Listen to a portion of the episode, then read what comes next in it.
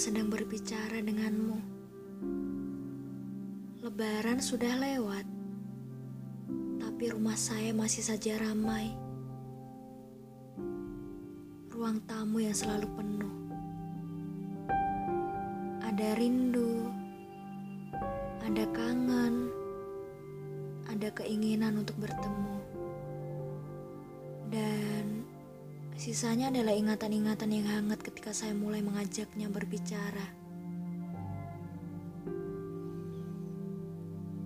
Hmm. Sudah terlalu lama, sangat lama. Mungkin saya akan menjadi salah satu orang yang paling kaya, paling penuh dompetnya, penuh dengan rasa rindu tapi percuma juga kalau hanya kaya. Sedangkan tak bisa saya bagikan ke siapa-siapa. Mungkin dari sinilah saya mulai paham bahwa kekayaan tak menjadi berarti kalau tak bisa dibagi. Bahkan untuk rindu sekalipun. Kamu tahu apa yang membuat rindu selalu terasa candu? Karena kita senantiasa menginginkan hidup dipenuhi dengan orang-orang yang membuat kita merasa dekat erat,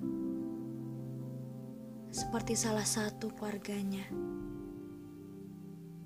Keinginan ini yang menjadikan kita memupuk rindu agar hangatnya ketika bertemu seperti hangat yang yang sudah saya katakan barusan. Sudah berapa bulan ya kita melewati hari-hari dengan kebiasaan baru? Saya hampir lupa. Barangkali dua bulan atau sudah tiga bulan. Entahlah. Sudah jarang berkumpul dengan sanak keluarga, sahabat, dan orang-orang di tengah keramaian tidak bersalaman, tidak tempel pipi kanan, pipi kiri, semuanya terasa hambar. Bahkan ada juga beberapa orang yang rela tak pulang ke rumah. Bukan lain agar kebiasaan baru ini kembali seperti sedia kala. Seperti saat-saat kita bertemu dengan banyak orang tanpa prasangka seperti kenangan hangat yang selalu kita gantung di tepi kamar agar tak pernah lupa bahwa yang ini hanyalah sementara.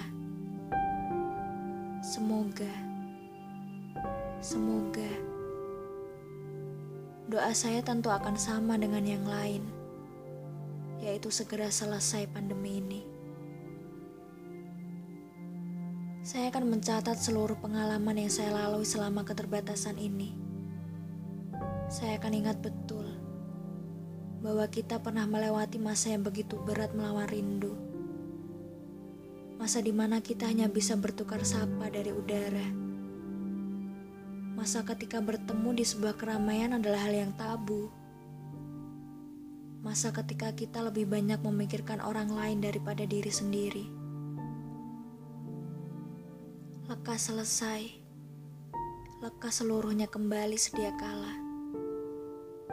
Terima kasih banyak juga untuk segenap orang baik di luar sana. Dan tentu saja jajaran tenaga medis yang tengah berjuang. Saya rindu kalian adalah kebenaran. Tapi di saat seperti ini, tidak menjadi ancaman bagi orang lain adalah kebaikan.